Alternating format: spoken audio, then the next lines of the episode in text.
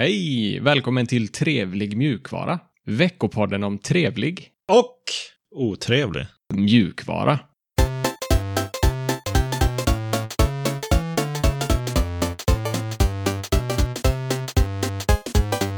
Jag heter Sebastian och med mig har jag som vanligt Alex på andra änden. Hur är läget Alex? Det är bra. Själv då? Jo, det är bara fint. Vi har fått in många nya lyssnare det senaste, så vi kanske ska köra en liten intro på vad Trevlig mjukvara är för någonting. Vad är det för podd som vi håller på med egentligen? Trevlig mjukvara är väl mjukvara som är öppen källkod, etisk, värnar om eh, sekretess. Mm. Men att den även är bra då. Ja, just det.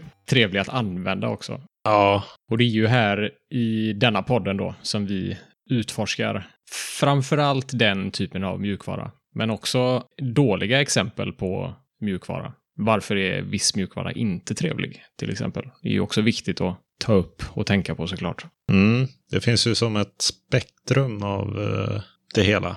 Från otrevlig till trevlig mjukvara. Och det är väl egentligen två axlar eller en sån här vanlig graf. Ska man plotta ut på den har man en axel med hur öppen mjukvaran är och en annan axel med hur bra mjukvaran är. Så om någonting är väldigt bra och väldigt öppen, då är den eh, riktigt trevlig. Ja, så det gäller ju att ha alla, ticka alla boxar för att få full pott på vår eh, trevlighetsskala. Och vi har två namn på de här eh, axlarna. Vi kallar öppenhetsaxeln för Torvaldsaxeln. Och så har vi, vad ska man kalla den, brahets eller funktionella användarupplevelseaxeln kallar vi för Gaben. Så en gång i veckan kan ni hänga med oss när vi snackar om eh, nyheter och trevlig och otrevlig mjukvara. Och också lite av våra egna utmaningar som vi tar oss an. Yes. Vad ska vi prata om idag då? Idag så kör vi med vårt vanliga format. Vi börjar med lite nyheter, sen trevligheter och otrevligheter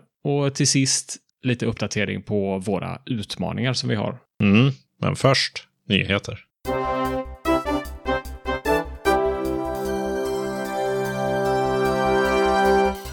I veckans avsnitt EA, Gobo Linux, Torvalds och patentstriden för Shotwell är över. Wow, vi börjar med att EA släpper lite open source. Det är inte likt EA att göra. Ja, det var ju otroligt oväntat. Ja, verkligen. Det är alltså Command Conquer, Tiberian Sun och Red Alert som de släpper open source efter 25 år gamla i de spelen. Är det ettan av dem då eller? Det är tvåan och trean i eh, ordningen. Så att Command Conquer är det första spelet, Red Alert är det andra och Tiberian Sun är det tredje. De har tidigare gjort eh, de här tre spelen freeware. Så de har funnits tillgängliga gratis. Så att eh, nu tar de eh, nästa steg då och släpper dem som open source. Vilket vi applåderar såklart. De får en liten golfklapp. Lagom applåd. Mm. Ja, men det är ett steg i rätt riktning, måste jag säga. Det här beskedet kommer i samband med att de släpper en remastered edition av Red Alert och Command Conquer. Så, så de har uppdaterat grafiken, 4K-stöd, förbättrat multiplayer, UI-uppdateringar, remasterad musik och så har de också släppt en ny map editor. Så med de här ändringarna så hoppas de ju såklart att communityt ska skapa nya häftiga modifikationer av eh, de här spelen. Det finns redan en ganska stor och aktiv eh, modscen för de här spelen. Så bland annat något som heter CNC-net, som är en multiplayer-plattform för Command Conquer. Och det är helt community-drivet, det här projektet. Och det är också open source, såklart. Mm. Ett annat exempel på ett sånt här stort eh, community-projekt är OpenRA, som är en open source reimplementation av Red Alert. Aha. Så de har helt enkelt försökt återskapa det, reverse engineera Red Alert och släppa det open source. Ja, det är okej, så det är en motor och så sen så antar de att man ska OpenRA, att man stoppar in eh, resurser från det gamla spelet i den motorn va? Ja, det är nog någonting i den stilen. Jag har inte utforskat jättenoga, eh, men alla modeller och sådär är ju likadana i OpenRA. Så de har försökt bygga om eh, motorn, precis som du säger. Mm. Så EAs förhoppning är att att eh, med den här open source-släppet av de här spelen så ska kompatibiliteten mellan de här stora open source-projekten och eh, de faktiska, riktiga remasterade spelen bli väldigt bra. Så de försöker jobba mycket med communityt för att ja, det ska kunna fortsätta leva och frodas helt enkelt. Mm. Och den här remastered-versionen kommer också använda sig av Steam Workshop som ett eh, sätt att dela community-material. Så alla moddar kan man installera via Steam Workshop till exempel. Har inte de en egen sån här uh, Origin uh, Store, app, uh, spelbutik, eller? Jo, det har de också. Så där kommer ju också finnas eh, Steam Workshop-motsvarigheten, som jag inte vet vad den heter. Men de har liknande tjänster i sin egen sån eh, game launcher. Ja. ja, det var ju trevligt att se någonting annat från dem än otrevligheter, det sista. Gobo Linux 017, som tydligen är något filsystem jag aldrig har hört talas om. Nej, det är inget filsystem, det är en distro som har ett coolt filsystem. Ah, okej. Tycker jag. Vad är det för filsystem då? De har dolt eller tagit bort, lite beroende på hur man ser det, standardfilsystemet i Unix. Så du vet, om du går till din eh, rot på din disk så har du en massa konstiga mappar. Du har USR, du har bin, du har SBIN och så vidare. Eller hur? Ja. Alla de mapparna är för mig ett mysterium. Jag är väldigt ny på Linux, så jag förstår inte vad många av dem där gör, om jag ska vara helt ärlig. Mm. Gobo Linux har försökt tänka om det här, så att de tycker att det här är alldeles för onödigt krångligt. De säger helt enkelt, vi tycker att vi har en bättre lösning på hur filsystemet ska fungera och vara uppbyggt. Ja, okej. Finns det några konkreta exempel på vad de har gjort då? Det gör det. Filstrukturen i Gobo Linux är ganska simpel. I rot så har du Programs, Users, System, Data och Mount. Det är de mapparna man har. Ja. I roten på ett vanligt distro, jag vet inte ens hur många mappar jag har, men det är betydligt många fler i alla fall. Mm. Gobo Linux-strukturen känns mycket mer uppenbar för mig. Programs innehåller program, precis som man skulle kunna misstänka.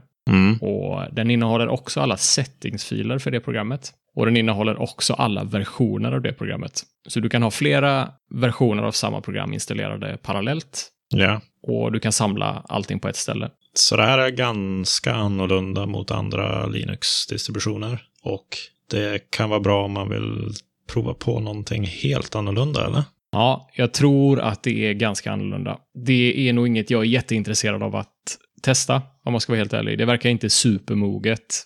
Även om det är 2003 var första releasen. Så det har ju några år på nacken. Men det är två killar som sitter och utvecklar det här, varav den ena har gjort H-top, som du kanske känner till. Ah. Det som jag fastnade för var det här eh, konceptet då med den nya filstrukturen. Ja, det är ju lite trevligt att kanske tänka om och ta nya tag kring just den där strukturen. Istället för bara att köra på, bara för att ha, ha det bakåt kompatibelt med saker och ting. Ja, Det är väl bra att experimentera och testa nya disklayouter eller vad man ska kalla det. Intressant att det är han som har skrivit H-top och att de har hållit på sedan 2003. Det är ju, det är ju, en, det är ju en lång tid. ja, verkligen. Det är intressant att jag aldrig har hört talas om det. Ja, nej, det har inte jag heller, men det kanske inte är lika konstigt. Hur som helst, en intressant idé och jag som är ny på Linux hade önskat att Linux eh, såg ut så här, för då hade det varit mycket enklare för mig att sätta mig in i filstrukturen. Ja, det kan jag köpa. Det hade jag också velat ha när jag började. Torvalds går över till AMD. Ja, det här är ju kanske inte nödvändigt att prata om. Men det det är alltså Torvalds som har bytt från Intel till AMD då, antar jag. Ja, och vem är Linus Torvalds? Ja, vem är han? Ja, han är väl i princip slutstationen för alla klumpar av kod som kommer in i officiella mainline-kärnan av Linux. Mm. Så han är super maintainer av Linux kernel. Ja, han är mm, maintainer av alla maintainers. Så han är, han är toppen av kedjan. Spindeln i nätet. Ja. Han nämner det i förbifarten i en sån här mailinglista där man diskuterar nästa release. Och han vill ju bara ge en uppdatering på att det rullar bra med Linux-utvecklingen och att man förhoppningsvis nästa helg borde bli klara med den här 5.7, om jag förstått det rätt. Och då nämner han det i förbifarten och att det var lite tråkigt, det gick så smidigt med den här senaste veckans jobb. Att det som har varit mest spännande den här veckan har ju varit hans uppgradering av sin eh, huvudmaskin. Och så skämtar han om att det inte är en ARM-baserad dator än. Och, och så avslöjar han att han har skaffat en sån här AMD Threadripper 3970X med 32 kärnor. Mhm. De här testbyggena som man gör ibland eh, går tre gånger så snabbt som innan. Så han ser fram emot att testa den under mer intensiva byggperioder. Ja, okej. Men jag vet inte om man ska haka upp sig så mycket på det här, mer än att folk verkar eh, ta upp det här som en stor nyhet. Ja, det är klart. Det är typ Oraklet det- har bytt till AMD, nu måste vi också göra det. Precis. Det är ju lite eh, typiskt i tiden också att köra AMD. Det har ju varit ett år eller två nu som AMD verkligen har dominerat. Och det här är ju som pricken över iet Ja, just det. som bekräftar att AMD verkar vara mästare på tronen nu för tiden. När Ja. det kommer till processorer. ja, vad är snacket på nätet då om det här? Snacket på nätet. Folk är ju upprörda över att det inte är en 64-kärnig variant som också finns. Okej. Ja, han är ju estimerad att vara värd cirka 150 miljoner dollar. Och han har ju råd med det. Och även om man inte vill köpa den så borde väl AMD eller Intel försöka sponsra honom med, med det bästa. Ja, det kan man ju tycka faktiskt. Andra snacket på nätet är väl att varför är det här en nyhet? Nej, just det. Det kan jag väl hålla med om. Varför häller vi bensin på elden genom att ta upp det i vår podd? Ja, det kan man fråga sig. Ja, så är det. Mhm. Patentstriden för Shotwell är över nu. Oh, är det den här Och, eh, Gnome-patentstriden? Ja, vi pratade ju lite om patenttroll i säsong 2, avsnitt 6. Då Mm. nämnde vi ju Mycroft som har hamnat i hetluften. Och så nämnde vi för, förbifarten att Shotwell också har varit i patentstrid. Och, eller när vi pratade om det så var de ju fortfarande i den där striden. Och det är något patenttroll som håller på med det här. Gnome som har stöttat Shotwell i den här patentstriden gick den eh, 20 maj ut och sa att man hade lyckats undvika den här striden. Och då har man lyckats komma överens då om att inte ta striden till domstol och båda parter är då officiellt nöjda utåt. Mm, vad skönt. Inga patent, inte bara det här bildrelaterade patentet från det här bolaget kommer någonsin att kunna användas mot Gnome eller annan mjukvara som använder Open Source Initiative godkända licenser. Så eh, det är ju en rejäl vinst för öppen mjukvara och för allmän strid mot det här patenttrollbolaget. Och de har ju ett hundratal patent i sin portfölj. Och ingen av de patenten som de äger idag eller kommer att äga i framtiden får de använda mot öppen mjukvara. Ja, det är ju fantastiskt. Hur kan de vara nöjda då, undrar jag? Ja, snacket på nätet. Ja, vad är snacket på nätet? Ja, folk eh, spekulerar ju varför det blev en sån här dunderseger för Gnome. I och med att man lyckades få trollet att aldrig någonsin ge sig på öppen mjukvara så spekuleras det att man hade ett så starkt argument mot det här trollet att deras patent skulle kunna invalideras helt. Så att de inte skulle kunna använda det mot någon annan. Men det är ju spekulationer. Man vet ju inte riktigt vad som man kom överens om bakom stängda dörrar. Och tycker att eh, de här eh, advokaterna ska få ett särskilt tack för de har jobbat gratis. Eh, kan de få en applåd för tycker jag. Bra jobbat. Ja, det var ju fruktansvärt trevligt det här, tycker jag. Mm. Kan vi inte fortsätta med det? Nej, nu är det dags för någonting helt annat. Otrevligheter. Spotify trodde jag aldrig vi skulle säga här, men det gör vi. Och deras exclusive podcasts. Just det. Det är du som har lagt in den här. Har du något mer kött på benen? Ja, den här otrevligheten kommer från att Joe Rogan, som är en jättestor podcast, kanske den största podcasten till och med, gick ut med nyheten att han skulle bli exklusiv på Spotify i slutet av året. Mm. Så tidigare så har han funnits på alla plattformar för att han har haft en RSS-feed, precis som alla podcasts har. Och han har också laddat upp videoversioner av sin podcast på YouTube. Ja. Kommer han att sluta med det där YouTube-klipp-grejen som han håller på med? Ja, det han säger är att klipp från avsnitten kommer antagligen fortsätta finnas på YouTube, alltså korta snuttar. Men att hela det inspelade videoavsnittet kommer att finnas på Spotify video istället. Jaha, har Så- de video på Spotify alltså? Mm, ja, nej. Det är ett nytt initiativ från Spotify, det här. Så Okej. de vill på något sätt misstänker jag ta marknadsandelar från eh, YouTube på något sätt med att kunna leverera video. Jag vet inte, det finns inte så mycket information om hur de har eh, tänkt att lösa det här, men på något sätt. Mm. Du eh, nämnde ju för några månader sedan att det varit i alla fall uppenbart för dig då att Spotify har börjat satsa mer på podcasts. Ja. Jag eh, har inte riktigt märkt av det, men Ja, Jag tycker att eh, särskilt mobilappen är helt eh, full med klickyta som eh, leder till podcasts. Så rekommendationer och spellistor och eh, den typen av saker. okej, det kanske förklarar varför jag inte sett det, för jag använder ju inte appen jätte, jättemycket. Okej. Alltså det är framförallt mobilversionen, men även på desktopversionen när man har de här spellistorna som Spotify automatiskt skapar åt en på sin hemskärm. Där är det, Mm. eh, har det blivit mycket podcasts nu på sistone. Och de har ju också levererat något som de kallar för Spotify for Podcasters, som är en liten eh, infopanel där man som eh, podcastare kan se statistik över hur många som lyssnar på ens podcast på Spotify och, och så vidare. Men vad är det som är otrevligt med det här då, tycker vi? Ja, faktumet att den bara kommer finnas på Spotify är ju det som är otrevligt. Så att det fina har ju tidigare klassiskt med podcasts varit att de har en RSS-feed som är en liten fil som uppdateras så fort ett nytt avsnitt släpps. Och så Mm. läser diverse tjänster av den här filen.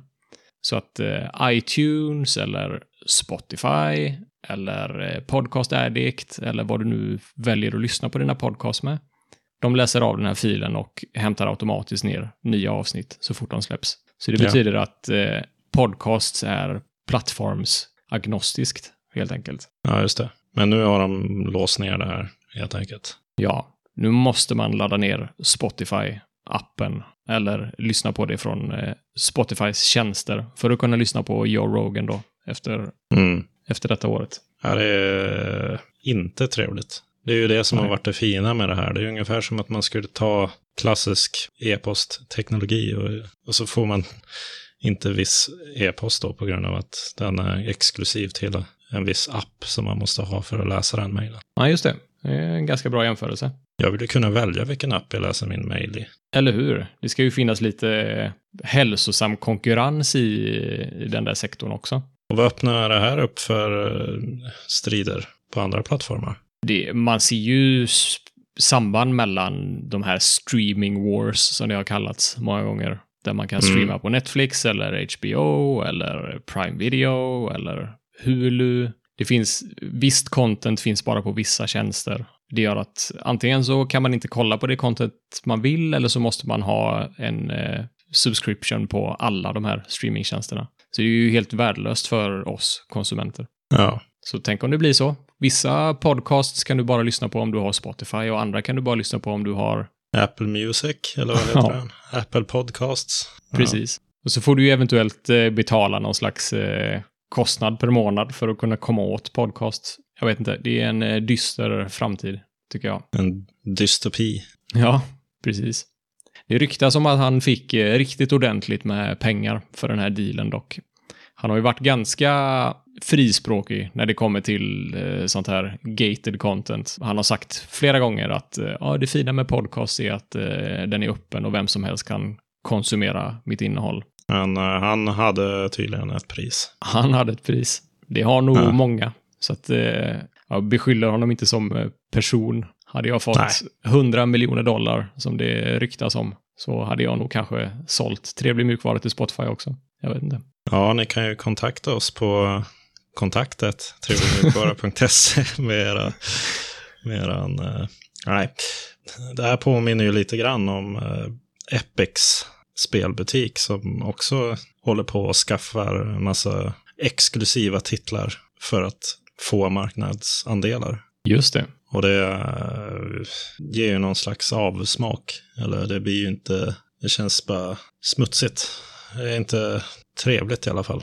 Nej, det är det garanterat inte. Och det är som sagt bara dåligt för oss konsumenter, tycker jag. Ja. Det enda positiva är väl att mer pengar kommer att skjutas in i podcasting. Uh, men jag vet inte om podcasting behöver mer pengar nödvändigtvis. Vad är det för fel på formatet så som det ser ut idag? Uh, jag vet inte. Vad, vad kommer Spotify kunna erbjuda som inte erbjuds idag? I don't know. Jag vet inte. Nej, det var lite otrevligt. Eller vad säger du? Ja, det var det. Nu tar vi och tittar på lite trevligare saker.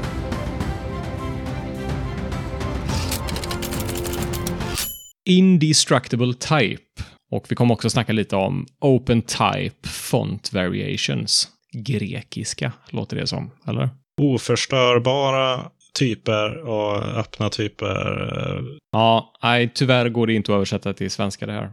Indestructible Type är ett set av fonts som är gjorda av en fontdesigner. Och Open Type Font Variations är en standard för hur nya typer av fonter eh, fungerar. Ja, vad är det som eh, skiljer mot vanliga fonter? Vanliga fonter är en fontfil per variant av fonten. Ja, just det, så det är normal, eh, italic eller kursiv och... Exakt, ja. precis. Så om du vill ha, om du gör en webbsida till exempel, och så vill du ha fet stil, du vill ha normal stil och du vill ha italic stil, så är det tre stycken fontfiler som du måste använda för att få ihop det här. Just det. Open Type Font Variations innebär att du kan använda en fontfil och skicka in parametrar till den här fontfilen dynamiskt och Ja. på så sätt styla om fonten. Så det här är för några utvecklare som gör hemsidor eller? Ja, precis. Utvecklare och designers skulle jag säga. Så att det finns ju stöd eh, för de här fonterna i eh, webbläsare och i designverktyg också. Så att hela samarbetet mellan vad designen gör och vad man implementerar på webbsidor blir mycket enklare med sådana här, Ja, med den här typen av fonter. ja Så. Den här Open Type Font Variations är en standard som är utvecklat av Microsoft, Google, Apple och Adobe. Så det är stora spelare som är med och hjälper till med det här. Det finns redan stöd i vissa designprogram och i i princip alla moderna riktiga webbläsare. Det är bara Internet Explorer som laggar efter. Men som vi alla vet så är Internet Explorer inte en riktig webbläsare. Så ja, sitter du på Internet Explorer idag så är det hög tid att byta. Och fundera över dina livsval. Ja, precis. Du kommer eh, tacka oss senare när du har bytt och upptäckt hur underbara de nya riktiga webbläsarna är. Vilken, vilken ska man byta till då? Jag skulle väl rekommendera Firefox eller Chrome eller nya Edge. Alla de är jättebra webbläsare med lite olika inriktningar allihopa. Och man kan ju snacka om vilken som är bäst av de där.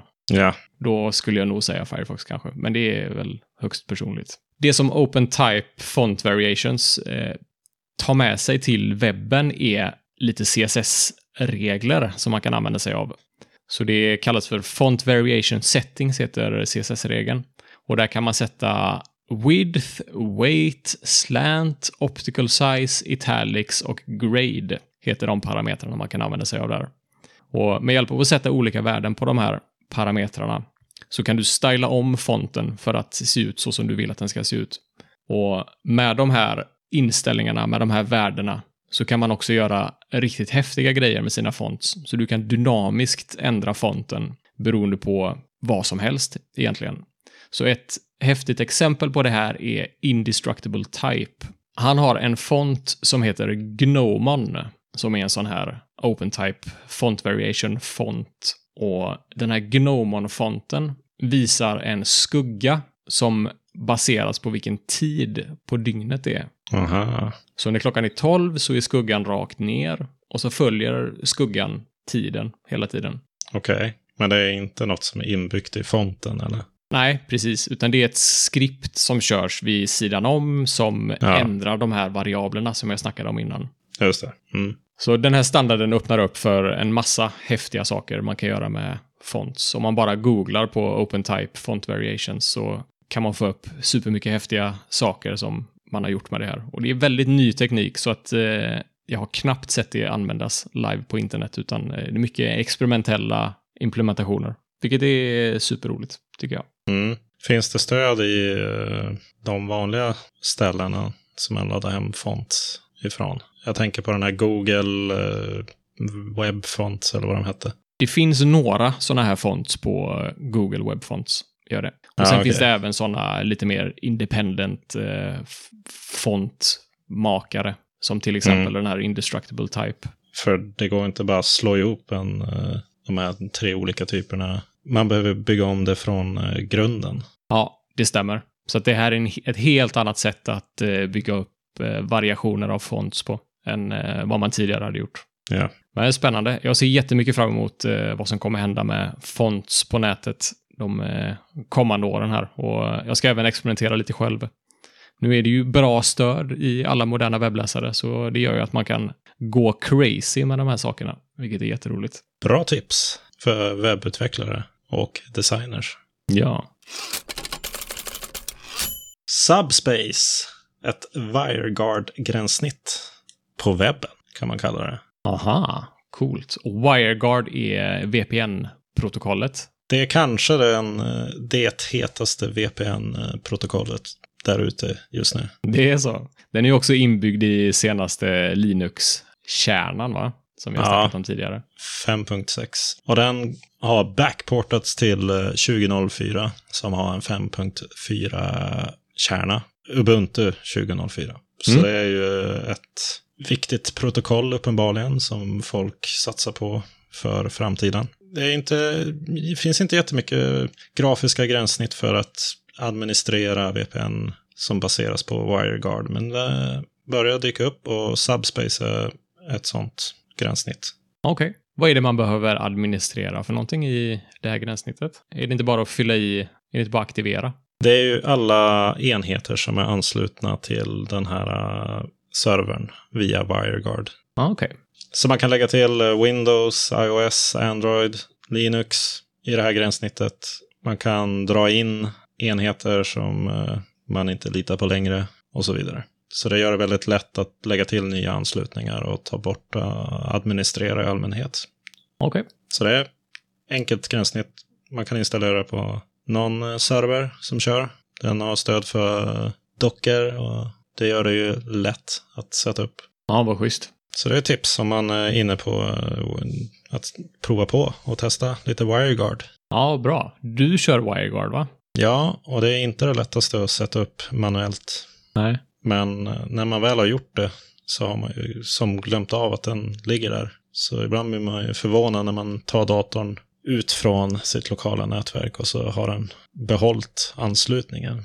Man behöver inte ans sätta igång anslutningen, utan den är ju helt roaming eller vad man ska kalla det. Mm, coolt. Är den open source, den här Subspace? Ja, det finns på GitHub och vi har ju länkat till deras GitHub. Nice. Ett tips för oss WireGuard-fans. Hot, hot.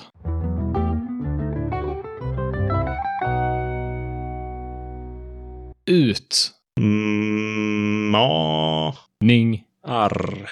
Ska vi prata om nu? Yes. Har du något nytt om din eh, Pinephone? Ja, jag försökte att migrera så sakteliga till den. Och eh, ett steg på vägen är att installera någonting som jag kan snacka på Telegram med. Och då har jag installerat Teleports. Och jag kör ju Ubuntu Touch på den här. Just det, det snackade du om i förra veckan att du hade installerat Ubuntu Touch på den Mm, nya versionen av Ubuntu Touch. Ja. Och så har jag skickat meddelande till dig där. Ja, jag fick någonting, något felstavat också. Det kanske var någon autocorrect som eh, dummade till sig där. Ja, det där tangentbordet som poppade upp när man börjar skriva, den eh, täckte ju över raden som man skriver in på. Så jag såg inte vad jag skrev. Nej, okej.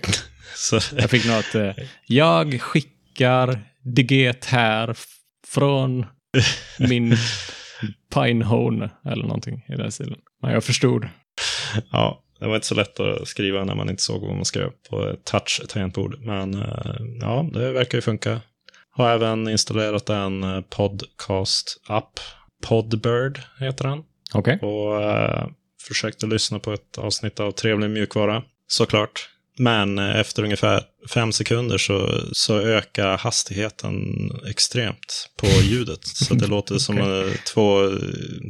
eh, Som de här, vad heter de här ekorrarna på julafton? Ja, ja, ja. Piff och Puff, ja. Ja, vi låter som Piff och Puff. Ja, Så, det var inte en... Så det är inte, den, det är inte riktigt dags för mig att prova köra den i tio timmar. Men om det fixar sig det där, eller om jag kanske rapporterar in de buggarna och det löser sig, så, och det går att lyssna på podd och det går att surfa på Reddit och det går att chatta på Telegram och kanske på Matrix, då, då är det nära. Ja, spännande. Du får se till att rapportera de där buggarna nu då. Eller kolla så att de är rapporterade redan, åtminstone. Ja, jag får ta och kolla upp det. Sen har ju du kört ganska mycket Vim, Ja, typ heltid. Ja. Och du skickade någon skärmdump på eh, ditt eh, Vim-gränssnitt. Då, då fick jag lite mer smak för den här eh, gränssnittet som du har. Jag ligger ju efter där, jag har inte satt upp Vim som du har gjort. Men det är ju någonting jag, jag siktar på att göra så snart som möjligt. Ja, roligt. Jag har fått till en lite, ganska schysst kombination av tema och plugins nu, känns det som. Mm. Så det känns väl hyfsat bra just nu. Det blir ju en eh, anledning för mig att fixa min eh, dotfiles repository på GitHub. Mm. Så du kan ta del av det. Ja, bra. Det får du göra.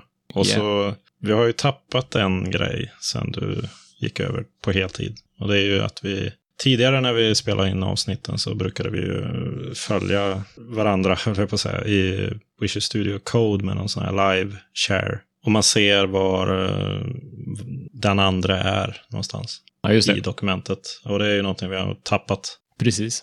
Ja, men det ska finnas någonting eh, liknande för Vim, har du sagt. Ja, Co-Vim är den jag har sett. Okej. Men om eh, någon av våra lyssnare har något hett collaborative editing-tips på Vim så får ni gärna skicka in det såklart. Ja, eller bara favoritplugins till Vim. Är Ja. lite intresserad av. Vad använder ni? Mm. Är det någon som kör Vim överhuvudtaget? Greg gör det. Ja. Ja, just det. Precis.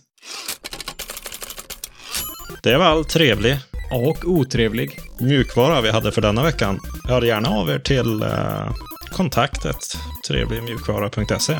Och följ oss på trevligmjukvara på Twitter och Mastodon om ni vill fortsätta diskussionerna eller ge någon annan slags input. Och vi finns ju även på Telegramkanalerna som vi nämner lite då och då här i podden. All info finns i avsnittsbeskrivningen, så in där och klicka. Vi hörs eh, nästa vecka.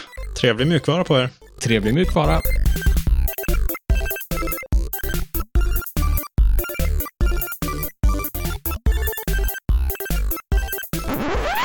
Wire... ah. Wireguard. Hur säger man wireguard? Är det wireguard?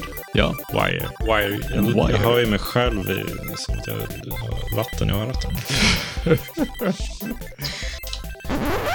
Backportats. Bakåt portats. Bakåt portats. nej, till- eh, klubbar vi igenom att backportat är okej att säga. Ah, Okej då. Ha ha ha!